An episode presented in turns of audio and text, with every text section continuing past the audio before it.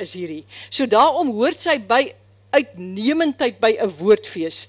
Sy's 'n meester van die woord in haar wel in tot in Februarie 2009 was daar 22 digbundels en nou natuurlik nog meer. Joan, waar sit die telling nou? Uh ongeveer Ja, wat is nummer 24? Ik kan niet zo ver tellen. Nummer 24 is op pad. Uh, je weet, zij uh, reis ook geweldig graag. En dan heeft zij ook een luchterluim en met de tongen niet kies.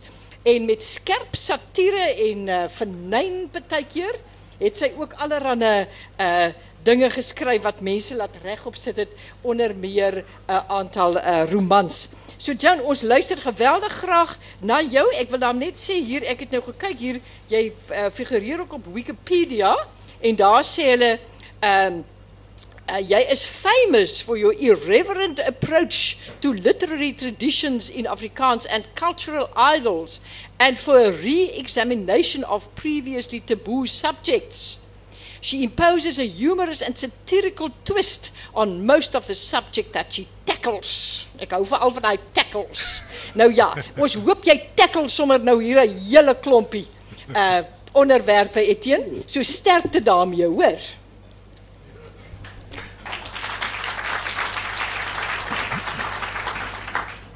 Baie dankie Dorothea.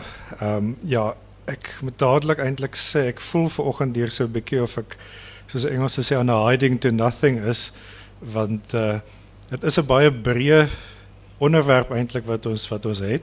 So as dit die korrekte woord. as dit klink of ek met 'n halgeweer hier skiet ver oggend, ek ek maak eintlik stade op dat uh dat Jan hyperintelligente antwoorde op baie dom vrae sal sal verskaf. Maar ek dink ons sal uh openlik na dese 'n taamlike omvattende prentjie van van Joan Joan Ambich hê. Uh Joan ek kon nie help om te dink toe ek die uh die onderwerp vanoggend sien. Uh toe dink ek aan 'n Simpsons episode van so 'n paar jaar terug. Iets wat my nog vandag bly bly tikkel. En dit is Okay. Dit is Marge Simpson wat na die afdelingswinkel gaan en dan vra sy vir die nuutste parfuum op die mark en sy sê maar sy vra vir Meryl Streep's versatility. Wat natuurlik nie 'n werklike parfuum is nie, maar ek dink daai veelsidigheid wat so kenmerkend is van van Meryl Streep is uh, is iets wat by uitstek baie geldig is wanneer mense oor John Hambidge praat.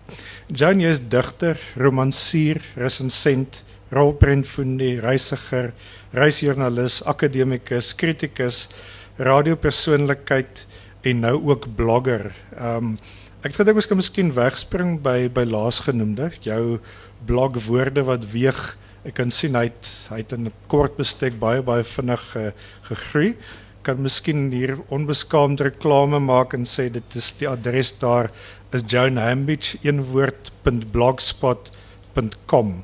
Uh Joan, hoe het dit tot stand gekom en wat presies beoog jy met met jou met jou blog?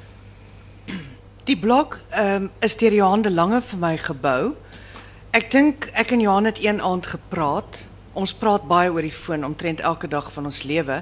En toe het vir my eendag gesê hy vind dit jammer dat baie resensies in die Afrikaanse letterkunde is 'n bietjie, jy weet, versprei in all over the place.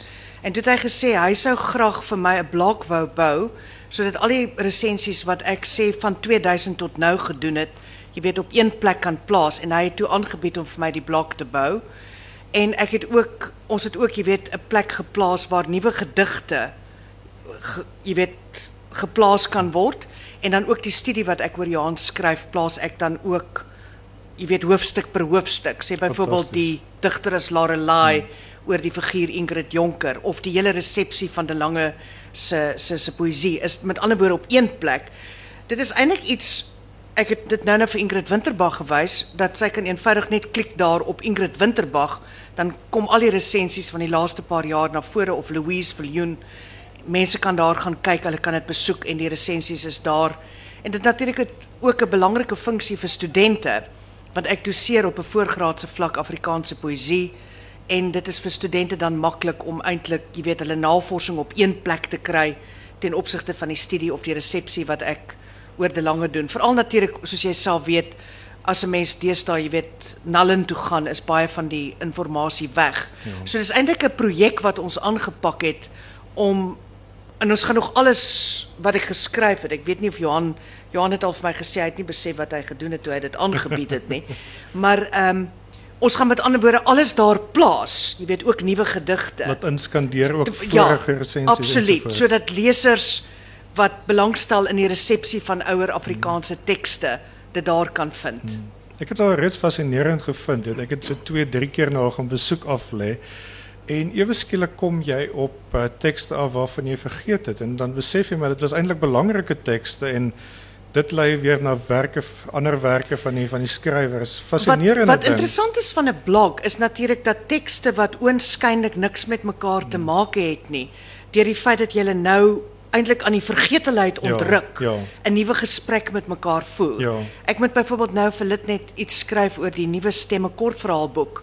En ek het byvoorbeeld afgekom op twee resensies waarvan ek skoon vergeet het. Een wat ek geskryf het oor Alice Munro en die ander een oor Dave Eggers. En dit is verskriklik interessant want dit is geskryf in 2006 wat 'n hele paar jaar gelede is ja. en dan kyk 'n mens eintlik op 'n nuwe manier na 'n teks. Ja, ja. So dis 'n stukkie geskiedenis as jy wil. Ja, ja. Jy weet jy hoef die argief konsep in die letterkunde het nou dramaties verander. Jy hoef nou nie meer, jy weet, onder in 'n kelder rond te kruip nie. Jy het nou alles op die internet en iemand wat natuurlik rekenaarvaardig is en wat 'n blok kan bou, kan jy dan help om eintlik al hierdie werk te laai. En natuurlik dis ook 'n manier wat ek met my jong studente kommunikeer. Ons het by die Universiteit van Kaapstad 'n sogenaamde Woela-stelsel waar jy op die internet, jy weet vir die student alles kan plaas wat hy of sy nodig het en dit word outomaties na die student se e-posadres gestuur. So jy as dosent kan eintlik voordat jy 'n klas gee waar jy in die ou dae miskien 'n boek op shortline moes sit of 'n hmm. boek moes voorskryf, is tekste onmiddellik daar. So dis eintlik maar die hele virtuele ruimte wat alles verander. En natuurlik ook interessant die hoe hoe tekste eintlik dan op 'n nuwe manier met mekaar in ja, gesprek tree. Ja. En is Johan dan in wese eintlik die is hy die webmeester eintlik wat kontrole Johan is hou? Johan is my webmeester. Hy het natuurlik sy eie uh, webruimte, Kaapse Paragrawe, hmm. Waar hy weer gedigte plaas van homself, tekste wat hy skryf, artikels en natuurlik skitterende vertalings van Spaanse, Franse, Duitse en ja. Engelse gedigte. Maar jy sal sien as jy op woorde wat weer gaan, het jy aan die regterkant ook skakels, skakels na Litnet, ja. Vers en Daba ja. En so meer. So dit is eintlik die hele virtuele ruimte van die Afrikaanse letterkunde het geweldig belangrik geword. Hmm. Natuurlik op Vers en Daba is daar ook belangrike debatte. Nee, uitstekend. Ek dink weet wat indrukwekkend is is die produktiwiteit. Ek het soos ek gesê het omtrent so 3 of 4 keer al daar gaan loer en dit toe ek gisteraand weer gaan kyk is dit vir my verstommend hoeveel beziger die, die blad al is als wat hij rukkie terug was. So ik ja, hou mijn hoed ja. af van die Ik laat natuurlijk niet toe dat mensen commentaar leveren, nie, want dan raakt het ja. je weet, een uitmergelende ja. proces ja. om op allemaal te reageren. So jij kan die webblad zijn bezoek, maar je kan niet, je weet, zoals bijvoorbeeld bij Vers en Daba commentaar leveren. Ja. Ik kan me natuurlijk niet voorstellen dat je uitgemergeld kan raken, want je hebt duidelijk uitzonderlijke energievlakken, maar ik kan het bij goed verstaan. Uh Joan, as ek 'n bietjie kan terugkrabbel, uh te loops as ek dit reg lees, is verjaar eintlik die viering van jou kom ons sê jou 30ste jaar as ernstige digter want uh ten spyte van die feit dat hartskrif in 85 verskyn het, dink ek jou ernstige digterskap het waarskynlik in 83 ehm um, begin posvat. Korrigeer my asseblief as ek as ek dit verkeerd het. Ja, toe ek in standpunte begin publiseer. Ja. Uh, toe was 'n mens bly as jy van Ernst van Heer 'n brief kry om te sê dat jou gedig sal oor 3 maande verskyn. so alles het nou verander, né? Ehm um, ja. vandag is dit as 'n gedig Ja, alles is mm. onmiddellik, alles is vinniger. Dis natuurlik in 'n sekere sin ook nie altyd goed nie. Ja. Want baie tekste dit maak dit riskant want daai ja. kom ons sê daai sif of die dit wat uh, partykeer iets gedistilleer het is weg en is onmiddellik iets out there. Ja. Ehm um, ek het wel gewonder kyk die uh, jy het met ander woorde eintlik baie ernstig begin dig in die tyd toe jy uh in algemene literatuurwetenskappe aan die Universiteit van die Noorde gedoseer het. Uh was dit 'n bewustelike besluit geweest of het die poesie haar baie sterk by jou aangemeld? Wat was die omstandighede rondom Dis 'n baie interessante vraag want die verskillende rolle tussen my as teoretikus, kritikus, digter en romanskrywer is nie vir my verskillende rolle nie. Ek wil eintlik sê die een voed die ander. Dit is verskillende aspekte van myself. Ja. Die die die werk wat ek doen as kritikus. Ek gee byvoorbeeld op die oomblik 'n literêr teoretiese kursus oor Zizek en Lacan en Hélène Cixous. En wat ek by hulle leer, voed weer my my digkuns. Ja. So die een sluit nie Ja. die ander een uit nie. Weet as Ja. ek byvoorbeeld kyk na Zizek oor virtuele realiteit of The Pervert's Guide to the Cinema, Hmm. dan kry ek dikwels baie interessante idees oor hoe hy die konstruksie van sien, emosies as konstruksies. Ja.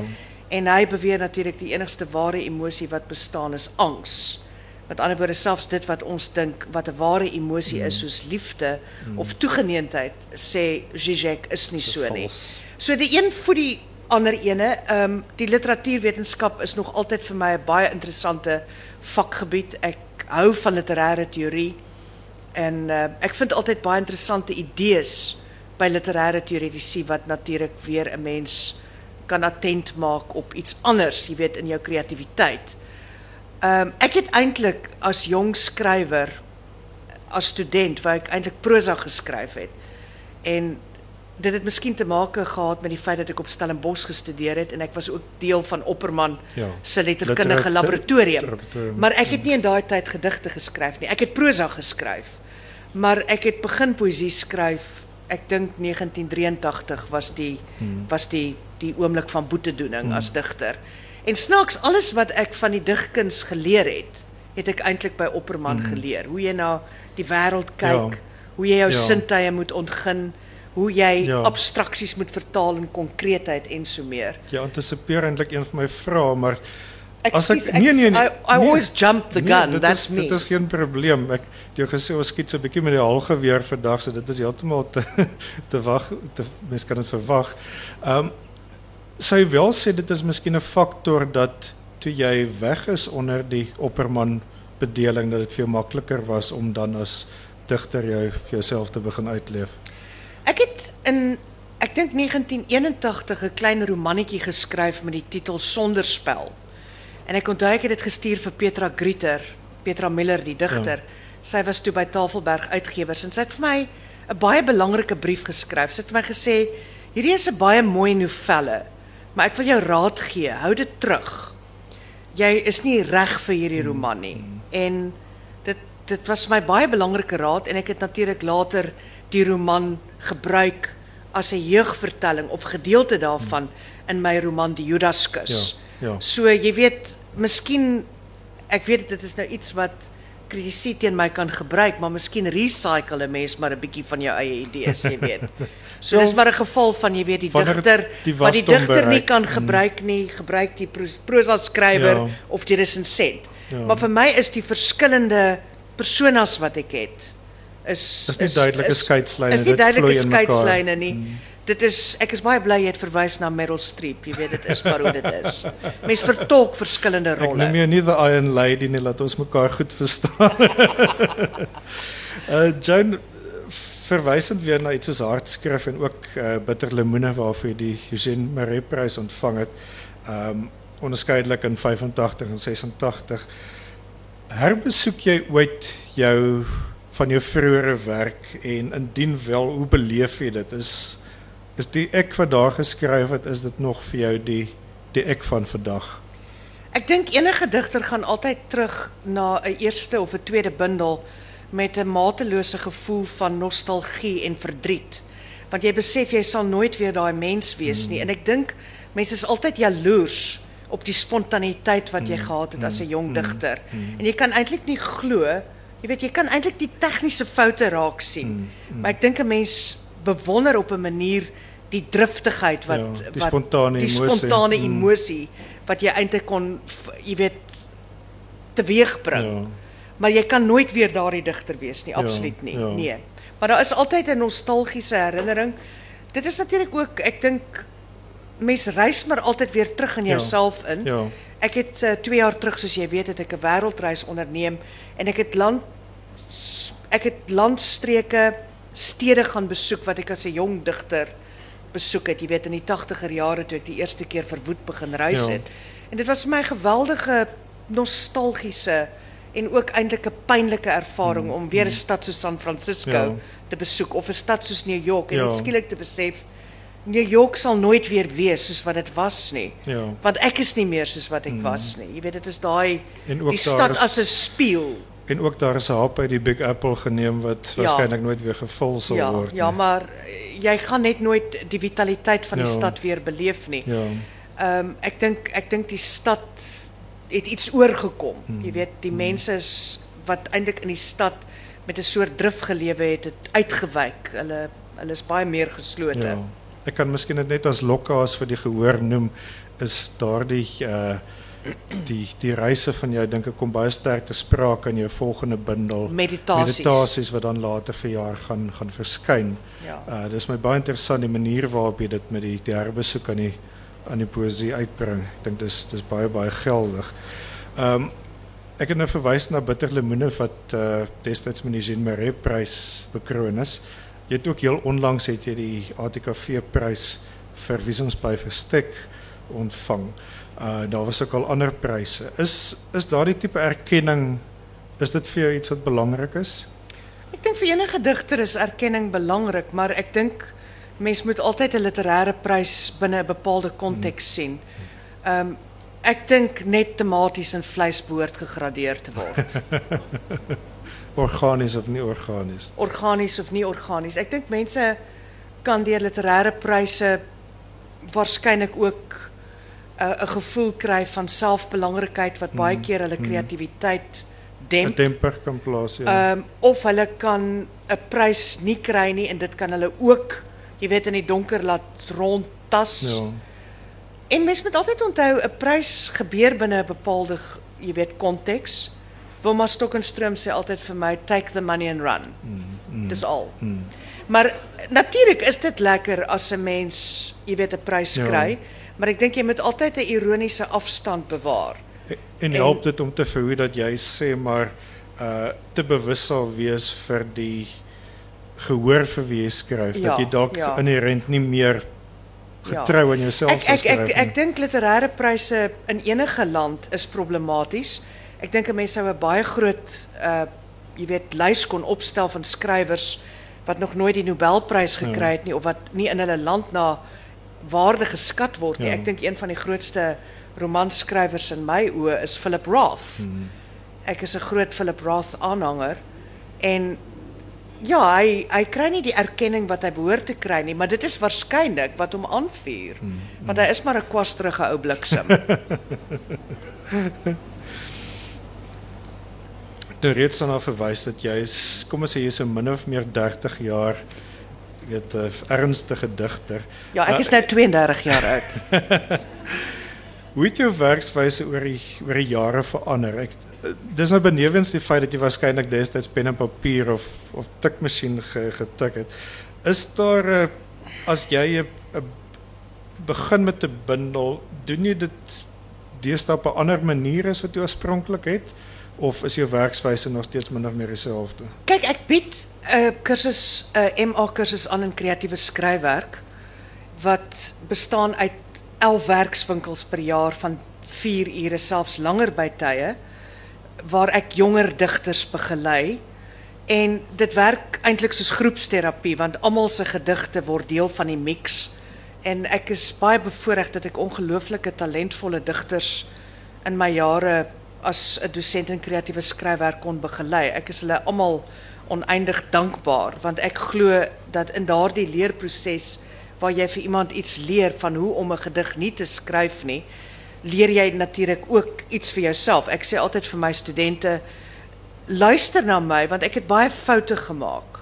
En ek kan vir jou sê moenie dit doen nie mm, want wat jy mm, nou doen, mm, gaan jy berou. Ja. Jy weet so ek is half ek kan eintlik jy weet ek is nie die wyse maagd nie by wyse van spreuke. maar ek kan baie keer vir iemand ek probeer ook mense begelei deur hulle weg te hou van my af. Met ander woorde, hulle moenie klone van Ja, my word nie. Weet mense soos Karina Stander, Fourie Botha, Martina Klopper, Aniel Botha. Aniel Botha het onder my geskryf, Karen King.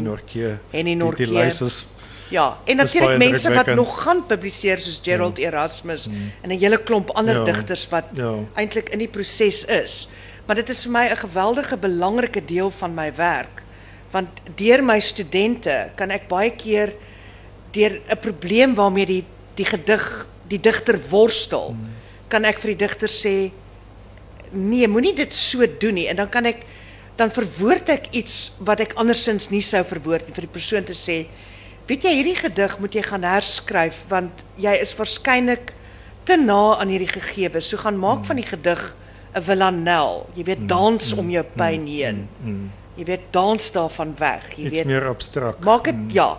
Moenie moenie dit so naby aan jou hou nie. So deur mense te leer, leer jy ook jouself beter ken by wyse van spreuke. Ek dink ek skryf 'n bietjie oor die proses in my bundel Lot se vrou. Ja. Wanneer 'n digter dan vir my vra, "Hoe weet jy wanneer 'n gedig slaag?" Nou ja, jy weet dit eintlik, jy weet soos Emily Dickinson gesê het. Emily Dickinson het by geleentheid gesê dat sy weet dat dit poësie is wanneer haar hele liggaam daarop reageer. Hmm. So baie keer kan 'n mens dit nie presies intellektueel verwoord nie. Jy weet net dit is so. Ja. Gepraat van Dickinson, ek uh dink dis veilig om te sê groot invloed op jou, ook iemand soos soos Harold Bloom. ja. Ehm nog invloede wat jy Ek is baie sterk ervaar. Ek is baie sterk beïnvloed deur die Ooskus Amerikaanse digters, Robert Pinsky. Vir my is een van die belangrikste digters uit daardie periode uh eintlik uit die Ooskus tydperk behalwe Pinsky uh natuurlik Robert Lowell wat interessant genoeg ook 'n skrywerskursus aangebied het en nie minder as Anne Sexton en Sylvia Plath begelei het nie. Hulle was studente in in dieselfde Dit was 'n goeie groep geweest Baie daar. goeie groep gewees, jy weet, en natuurlik al drie digters, jy weet, was eintlik, jy weet, mense wat geveg het met hulle eie familiegeskiedenisse. Ja. Dis my baie interessant om weer terug te keer na die daardie veer op jou op jou hoed, die uh die kreatiewe skryfkursus. Ehm um, ek ek sou gedink het vir iemand wat wat 'n aktiewe skrywer is, die gevaar sou bestaan dat jy soveel van jou energie in so 'n kursus moet inpomp dat dit mense eie uh weet energie kan kan demp dat 'n mens dan sal sukkel om Nee, ek self ervaar dit te nie so nie. Ek ervaar dit my kursusse is baie streng geskeduleer rondom, jy weet, hierdie 11 werkswinkels en dan op 'n daaglikse vlak v- 'n basis kry my studente e-posse van my met gedigte of aan, jy weet, tekste wat hulle moet lees. Maar soos ek sê, die die kursus werk eintlik rondom die oplossing van 'n probleem. Met ander woorde, ek sal byvoorbeeld op opdrag gee, jy weet, kom ons skryf 'n distigon of kom ons kyk hoe skryf, jy weet, Elisabeth Eybers byvoorbeeld 'n sonnet. En hoekom is sy so goed? So dit is dit is deur die studente kom jy dikwels ook uit by leeswerk wat jy andersins miskien nie sou by uitgekom het nie. Ja. Maar ek hou daarvan ek ek hou daarvan om klas te gee. Ek moet dit be, be, jy weet bely. Dit is vir my miskien omdat ek 'n mislukte aktrise is. Dit sou juist een van my vrae gewees het as uh as daar 'n rolprent uh, op jou lewe gebaseer sou wees, wie sou die ideale kandidaat wees om die hoofkarakter te speel? As Meryl Streep nie beskikbaar is nie. Joan, ek het wat gaan die film se naam wees? Sophie's Choice. wel jy het jy het reeds being Joan Ambich as 'n as 'n as 'n teks geskryf. Ek dink dit sou dit sou wel kon kon werk. Um, Kathy Bates dalk. Miskien nie heeltemal in die pers persona van Misery nie, hoop ek. O, dis 'n fantastiese Dit is 'n film. wonderlike rolprent. Ek het Maar eendag dis een ding wat ek en jy deel is natuurlik is, 'n groot liefde is. vir films, né? ja, en ek het Ja, ek ek kyk so ongeveer 150 films per jaar. ek Dit is terwyl ek gym, jy weet dan kyk ek films en die twee grootste besittings in my huis is die Kersgeskenk wat ek by Johan de Lange gekry het, die volledige James Bond, Bond versameling. die Bond versameling en dan ook die volledige versameling van Fellini. So jy weet terwyl ek gym kyk ek Visconti of Pasolini, so dit is vir my 'n baie Kubrick daar iewers. Ek weet Eyes Ja. Wide Shut is ook 'n Ja, groot gunsteling ja. vir jou. Waar kom die liefde vir die rolprent medium vandaan? Is dit maar 'n bepaalde manier van van kyk na die na die lewe? Is dit dat die visuele films, film? ek dink films is 'n baie interessante manier omdat ek hou van Lacan se werk. Ja, Want jy kan die hele konst in Bart natuurlik, die hele konstruksie van die ego sien. Ehm Ja, ek hou van ek hou van rolprente. Ek dink hmm. rolprente is 'n fascinerende Ek sou graag self 'n rolprent wou maak. Hmm. Jy weet, 'n eintlike movie wou Ja, maak. ja. Dis een van my fantasieë is om 'n filmmaker te wees. Nog 'n vraag van my wat jy antisipeer. Ehm um, as jy jy, jy ek het verwys jou vertel dat ek eendag in die Oseaniese basket in Kloofstraat sit en agter ons kom daar 'n Spaanse man en vrou in met 'n met 'n met 'n man wat kennelik nou, jy weet, hulle gids is. En die vriend wat by my is sê vir hulle moenie, jy weet, die vis van die dag bestaan nie, dis nie goed nie. En ons begin met die mense gesels en ek sê vir hulle van waar is julle? Hulle sê hulle is van Spanje. Ek sê o, wel ek is baie mal oor die rolprente van Almodovar. O, ja, ja. O sê die man, dit is my broer. en hy het toe vir my sy handtekening gegee en hy was baie verruk dat ek al Almodovar se films ken en dat ons het toe baie lekker gesels hy het daaroor. waarskynlik rooi aangehad as ek moet raai. ja, ja. En hy het daarna in die laaste uh Almodovar het hy 'n klein rolletjie vertolk. Want soos jy weet Almodovar span sy familie in om gedurig, jy weet, in sy ehm um, films op te tree. Ek span weer my familie in om in my gedigte op te tree. Joan, ehm um, ek het onlangs raak gelees jy het iets soos jou bundel lijkdigte het jy omtrent 9 keer verwerk voordat hy uiteindelik in jou oë finaal was. Hoe weet 'n mens as digter op watter punt daardie manuskrip klaar afgewerk is? Dis 'n baie moeilike vraag. Dit is dit het baie te maak met instink. Ehm um, ek is baie gelukkig dat ek Johan de Lange het as 'n kritiese hmm. leser en ek lees ook sy gedigte. Ja. Jy weet, ek sal 'n manuskrip vir hom lees en sekere aanbevelings maak en hy sal sekere aanbevelings maak. Maar dan het 'n mens natuurlik ook baie keer 'n baie goeie kritikus in die vorm van jou uitgewer. Jy weet soos byvoorbeeld jy het ook al vir my gesê jy dink nie hierdie gedig werk heeltemal nie of kyk weer daarna. Ek onthou ek het eendag in Charles Fryer se kantoor gesit spesifiek met lijkdigte en daar was 'n gedig wat net uit twee reëls bestaan het. En die gedig het gegaan wie het Nefertiti se oë uitgekrap sodat sy moes blind uitkom aan die ander kant. Dit was die gedig. En Charles het so na die gedig gekyk en hy het vir my gesê, "Jan, hierdie gedig is nie klaar nie." En hier's 'n stuk papier en 'n pen. Gaan sit daar in die kantoor en maak hierdie gedig klaar, want ons is toe nou besig om met die manuskrip te worstel. En in daardie stadium van my lewe was ek geweldig getraumatiseer geweest deur die dood van 'n kollega van my in klassieke tale wat op 'n onverwagse manier oorlede is. En ek het haar man toe toevallig gesien en ek en hy en ander vriende het toe na 'n wynplaas toe gegaan en toe maak iemand 'n bottel oop en toe het hy vir die persoon gesê nee nee nee moenie die bottel so oopmaak nie want dan is dit bottelskok. En toe het ek die idee gekry van iemand wat voortydig sterf. Jy weet, is soos 'n bottel wat jy te vinnig oopmaak. En toe het ek die hele gedig geskryf rondom daardie beeld.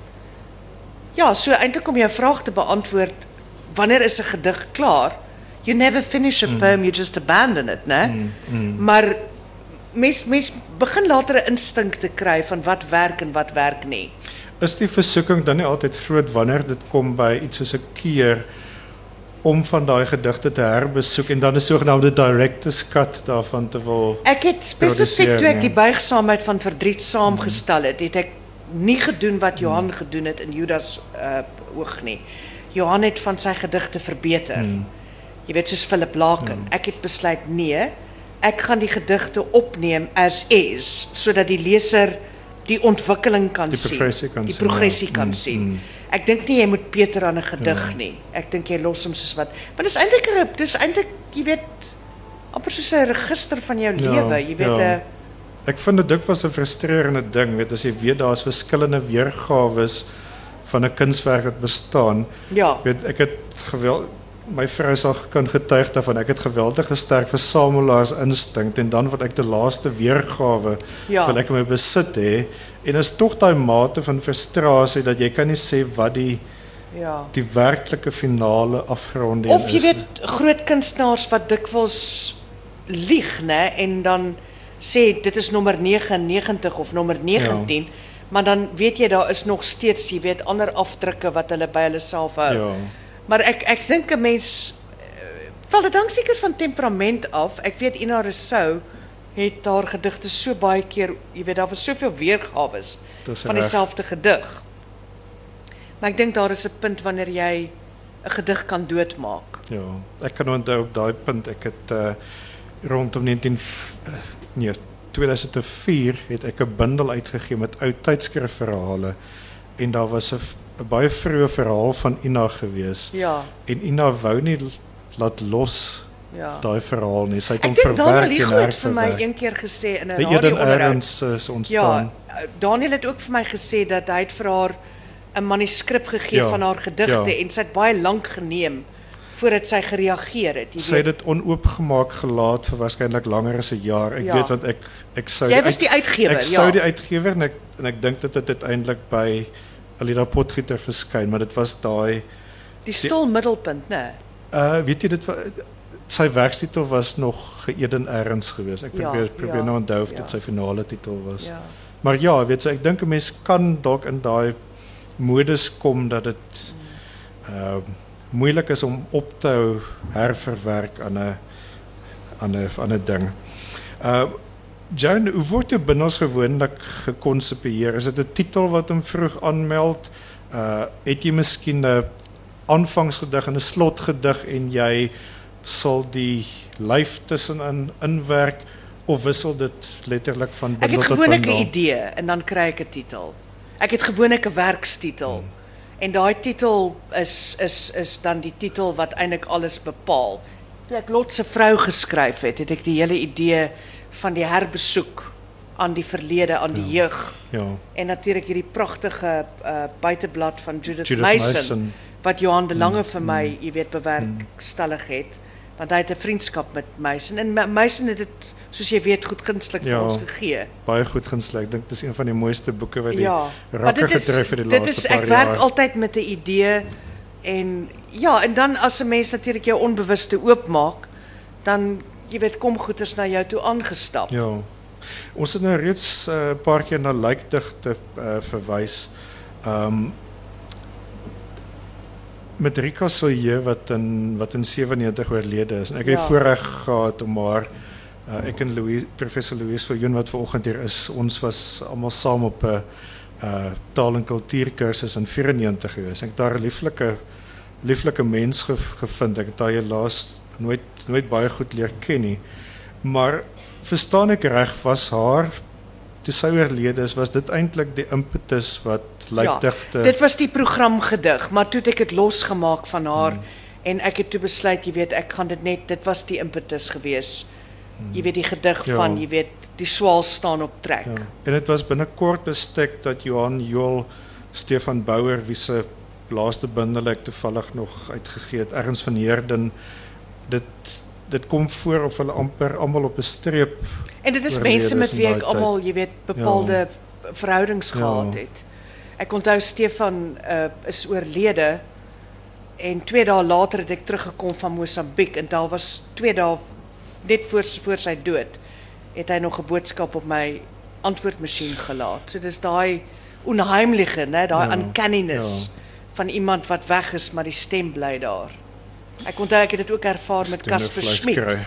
Ek was in New York en ek wou Casper Schmidt graag weer sien en ek het hom gebel en uh en sy antwoordmasjien het aan jy weet het aangegaan en ek het 'n boodskap gelaat. En hy het nooit teruggereageer nie. Ek het vir hom gesê ek woon en ek gaan tuis in die Skyline Hotel.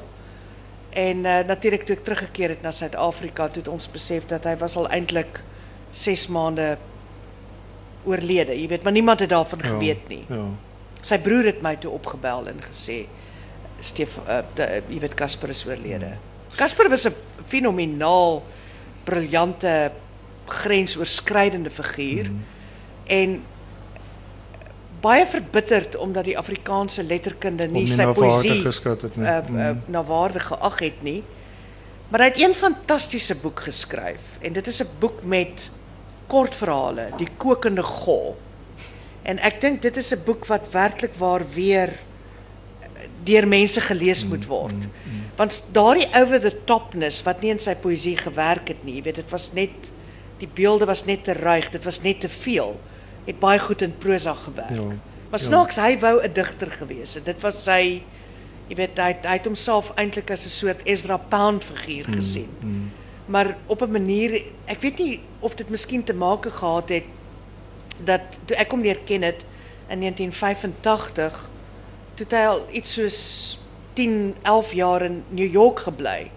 En ek dink hy het baie van die subtiliteite, die nuances van Afrikaans verloor. Dit kan 'n mens verstaan. En in sy gedigte, jy weet dit het, dit baie keer het dit lomp oorgekom en ongenuanceerd. Maar hy was 'n fascinerende figuur en natuurlik 'n kinderpsiganalus en waarskynlik een van die malste mense wat ek in my lewe ontmoet het, maar mal op 'n interessante manier. En is dit nie jammer dat daai mense raak al hoe minder nie? Ja, en ek bedoel ek het ek het bizarre ervarings met hom beleef ook in Pretoria want hy het elke jaar het hy Pretoria toe gekom en dan vir my en Johan de Lange, jy weet, gebel en dat hy so half deur die Afrikaanse poësie getravel en almal was dan na agterna 'n bietjie beseer, maar 'n baie fascinerende figuur. Ek ehm Antjie Krog het ook vir my 'n pragtige vertelling uh uh, weergegee van Casper aan Anthuise en hoe Casper eintlik binne 'n paar minute, jy weet, vir haar 'n hele paar lesings gegee het. Maar ja, hy het 'n hy het 'n hy het 'n wonderlike kop gehad, maar hy was 'n verbitterde digter want hy hy het uitgevoel dat op een of ander manier het die Afrikaanse poësie hom uitgesluit, jy weet. versaak. En ek het vir hom gesê nee, Casper, as jy goed is, sal jy inkom. Dit maak dit is nie dis nie daar's nie 'n jy weet 'n beperking nie. Mense kan enigiets vat. Dit is omdat jou taal is te dis te over the top. Ja. En toe skryf hy kokende gol en toe ek dit lees, want hy het dit vir my gestuur in manuskripvorm. Toe sê ek vir hom nou het jy die regte ding beet. Ek sal dit definitief Ja, gaan kokende opsoek. gol is fantasties. Daar's so 'n wonderlike mal verhaal oor die tango. Die geskiedenis van die tango. Dit is dit is net iemand wat so 'n storie skryf, besef jy net, het 'n fantasie wat jy net nie kan beheer nie. Was wonderlik. Ek wil nie te swartillend raak nie of kom ons sê maar dis die swartillendste wat ek sal raak vir oggend, ehm veral in hierdie dodelike hitte vandag. Maar die benewens elemente soos die arspoetika, die uh, familieverhoudinge, uh lesbiese liefde is iets soos die die dood of dan verlies is 'n baie belangrike terugkerende element in jou in jou werk. Dink jy dit is onvermydelik iets wat toenemend sterk in 'n digter se se werk na vore sal kom? Wel die film waarna ek nou kyk op die oomblik om my fantasie besig te hou terwyl ek gym is, daardie wonderlike You Only Live Twice, né? en uh, soos jy weet die roman van een Fleming begin met 'n haiku. Jy weet so daar's die speelse haiku wat sê jy weet geboorte en die dood is jou twee lewens. Ja, ek dink ek het in my lewe baie mense aan die dood afgestaan. Ehm um, maar ek dink 'n mens gaan ook die hele tyd dood en jy kry ook 'n nuwe lewe. But then you do live twice. Jy het nog een om te kom. Ek het nog een om te kom, ja. Dis eintlik 'n baie goeie band van Roald Dahl wat die Roald Dahl die ek het reg die die het die het het uh, die uh, draaiboek geskryf en dit was 'n rolprent as jy na die die die die uh, dokumentêr kyk oor die film het hulle geweldig baie probleme gehad met die maak daarvan jy weet mense Ja. wat in helikopters rondgejaag het dit een het verongeluk en die ander een En Sean se Connery se toepy wat die altyd losgekom. Ja. En Sean Connery het toe aangekondig hy wil nie meer Ja. Bond wees nie. En gevolglik was hulle in Japan die hele tyd getuister met ehm um, Dis reg. jy weet die pers wat wou hoor hoekom wil hy dit nie Van- meer doen nie. Van wat ek verstaan was die uh die druppel in die emmer was wel die die laaste strooi was gewees toe hy in 'n badkamer in 'n hokkie was en een of ander Japaneese fotograaf het die voet die kamera onder die onder die hokkie gedruk tot hy besluit Bond sal nie weer wees nie alhoewel hy natuurlik te laat het teruggekom het. Maar Maar hy dan- is maar die beste Bond. Hy is hè. natuurlijk. Hy is die beste Bond. ongetwyfeld. Ek het 'n kursus uh, oor Bond James Bond rolprente vir 'n tweede jaar klas 1 jaar James gegee. Bond. James Bond. En die kinders is mal daaroor. Jy weet want jy wys dan eintlik op die strukture. ja, Jy weet en die ironie wat in die jy weet en ook die hoe die hele gender diskurs Ja. in die bandrolprente verander het. En die feit dat hy eers 'n misogynist pig was wat hy nie En wat hy dan later jare word hy natuurlik aangetree, jy weet deur M wat dan 'n ja, vrou is. Ja. Ja, dit het eintlik reeds eh, hier met die ja. Timothy Dalton era Ja, die dit 'n klein bietjie begin verander. Ja, ja, maar in die laaste tyd natuurlik veral is die baie sterk uh jy weet hy word betug oor sy gedrag. Ja, dis reg. Hy het nog 'n license to kill, maar net net. Just a bit subtler. Joan nog 'n terugkerende element en Dorothea het ook reeds daarna verwys is die uh in jou poesie is die is die reis. Die uh voorsien jy tyd dat die reis dat jy ooit die reislus sal sal afsterf? En is dit waar dat die reislus is dit iets wat jy van jou ouma Maggie Loubser toevallig daar's ook 'n baie mooi gedig waarin sy figureer in med meditasies. Is dit met ander woorde iets wat in die gene is? Was dit vir jou gepredestineer dat jy Ek dink dit lê in my genetika. Maar ek dink reis is ook 'n wonderlike manier omdat jy in 'n vreemde landskap kan jy baie interessante idees kry. Ehm um, my reis aan die einde van die jaar is na Vietnam. My kaartjie is reeds betaal. So ek kan nie meer kop uittrek nie. en is daar wat sal Saigon tot Hanoi. die die laaste stad wat jy sal besoek behoede daai dag watter stad sal dit wees en hoekom Ek dink die laaste stad wat ek sal besoek is waarskynlik Pretoria. I did not see that one coming. Yes, jy sal moet, jy sal moet verduidelik. Ja, ek het 'n groot gedeelte van my jeug in Pretoria deurgebring. So Pretoria is vir my 'n baie interessante stad. Um Well, if you can make it there, you can make it there. absolutely. you can make it there, you can make it anywhere. Pretoria, ag ek ek terg nou, maar Pretoria is 'n interessante stad omdat jy natuurlik in Pretoria die hele tyd bewus bly van die verskillende wêrelde wat te gelykertyd in die stad afspeel. Jy weet eintlik hoe goeders net dramaties verander het. Dit is, ek meen ek het so 2 Jy jaar weet die die, die sentrum van die stad o, het is ja. uit is uit wel uitgeruk in 'n Ja. sekere sin as jy dit moet meet Ja. aan jou ervaring van die verlede. Dit was ja. my 'n vreemde ding om te besef. Ek was in my weermagjare was ek 'n ruk lank in Pretoria en toe was Ek het Sunny- altyd Sunnyside geweet was daar's iets aan jou wat ek nie verstaan nie. Scarred for life was ek bevrees. Uh in jou omswervinge het het jy ooit gevoel dat jy so 'n verknogtheid aan 'n paar plekke uh weet begin ontwikkel dat jy het jy dit ooit ernstig oorweeg om te te emigreer? Nee, nooit nie. Ehm um, ek het al vir redelike lang tye in die buiteland navorsing gedoen en gereis. Maar ek ek is ek mis altyd Afrikaans, die taal. Jy weet ek Ja. dink my verbondenheid, my verbondenheid aan Afrikaans is altyd iets wat ek mis. Ek bedoel die die feit dat jy ja, ek dink dit is dit is maar jy weet waarin ek dit is my naaldstring met hierdie land. En natuurlik ook ek dink nie mense besef ten spyte van alles wat ons beleef in hierdie land hoe wonderlik ons eintlik dit in hierdie land het nie. Op daai punt van die taal gepraat, ek het uh so rukkie terug en ek sien ek het so oneindig baie vrae nog wat ek weet ons nie by gaan uitkom vandag nie. Maar is dis het baie tyd. Dis 'n stelling wat uh, wat Hetty Skols, die formidable Hetty Skols gemaak het. Ehm um, sy het gesê sy meen jy is iemand wat deur jou literêre bydrae, jou kritiese werk, jou satiriese send-ups en jou pol polemieke die taal op verskeie fronte aan die gang en lewend hou. Beskou jouself met ander woorde as 'n taalstryder of nie? Wel so gesien kan ek miskien net nou jy weet die kat uit die sak laat. Ek is besig met 'n satiriese roman, 'n Sonja Verbeek weer. en die titel is 'n vark in die pad.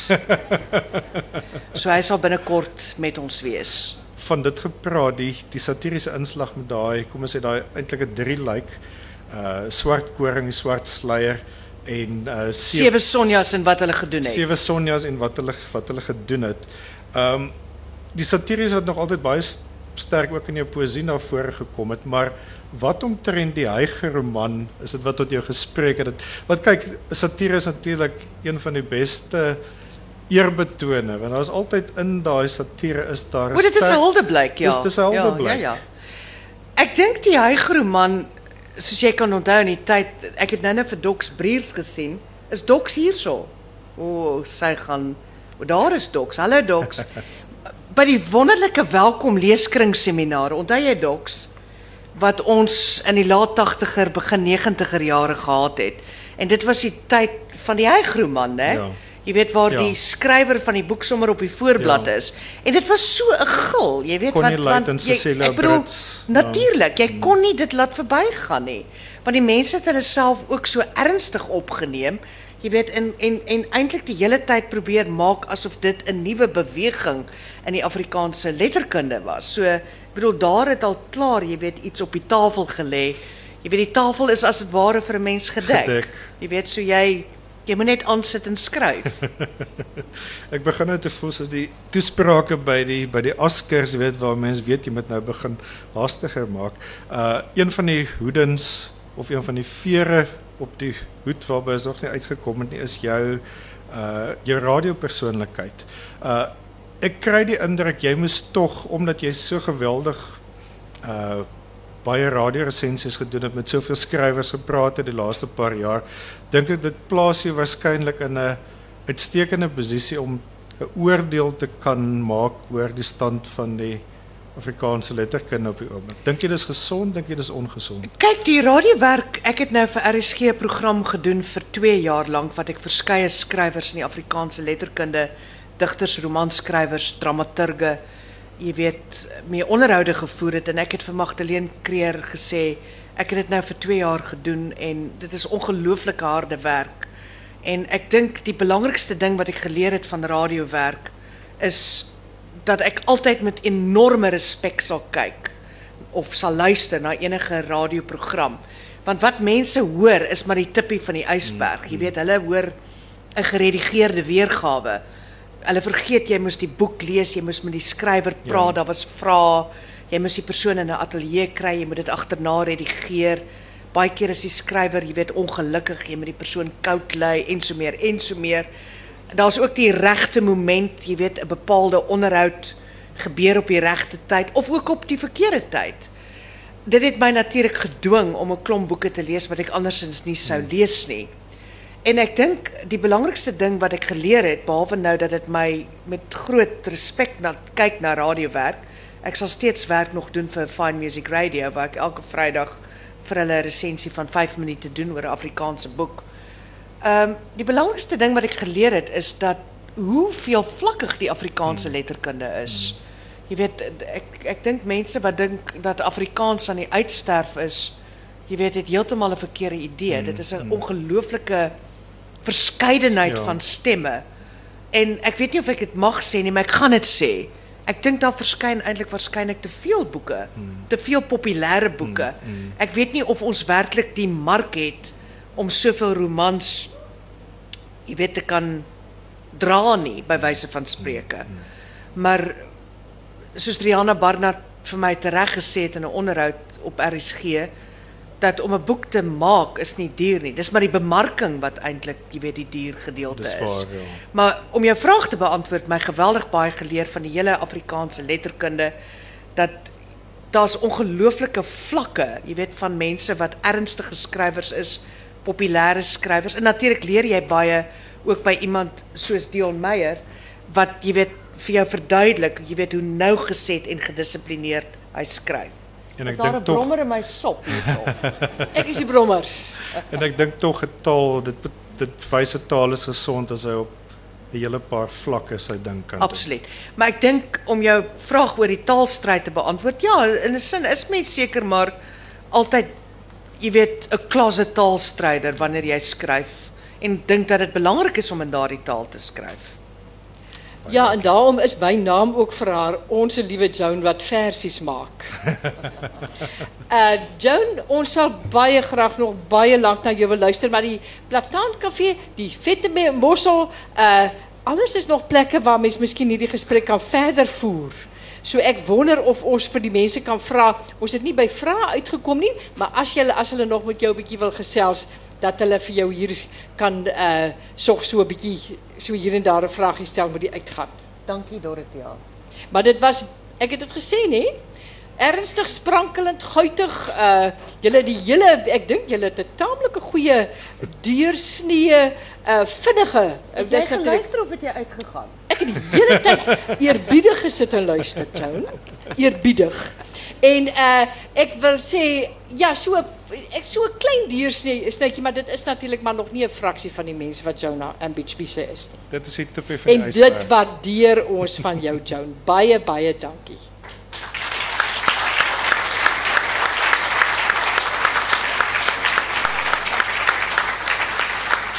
O, en my oudstudent Etienne Bloemhof was uitmuntend soos gewoonlik.